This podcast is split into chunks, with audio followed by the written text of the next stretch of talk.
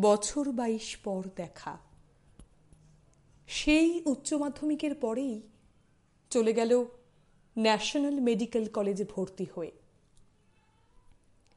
আর দেখা হয়নি।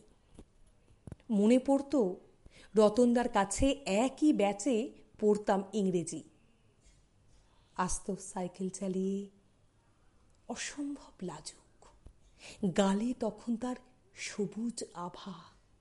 তারুণ্যকে ছাপিয়ে যৌবনের প্রকাশ। ভালো লাগাটা হয়তো একটু বেশি।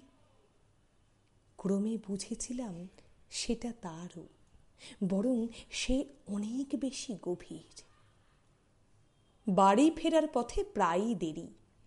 আমরা তখন মনের আশকারায় দুজনেই সমাজ ভুলেছি। ভুলেছি আমরা ভিন্ন ধর্মী বাবা খাওয়া বন্ধ করলেন।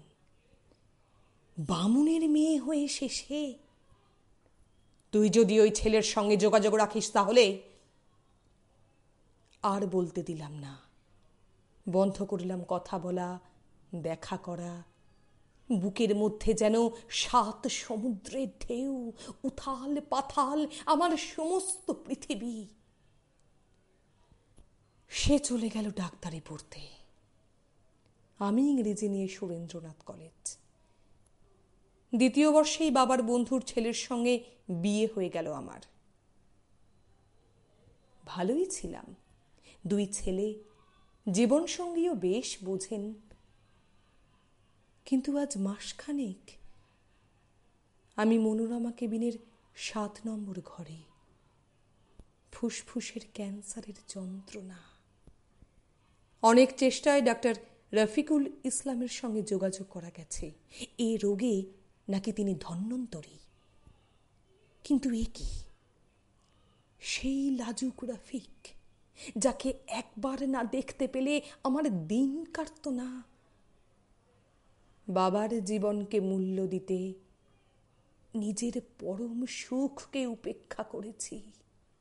রফিককে কষ্ট দিয়েছি।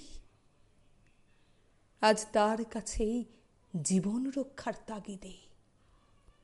আজ আমার মরতেই বড় স্বাদ হয়।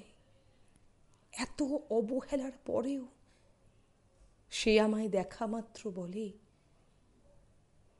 তুমি ভালো হয়ে যাবে সুমি।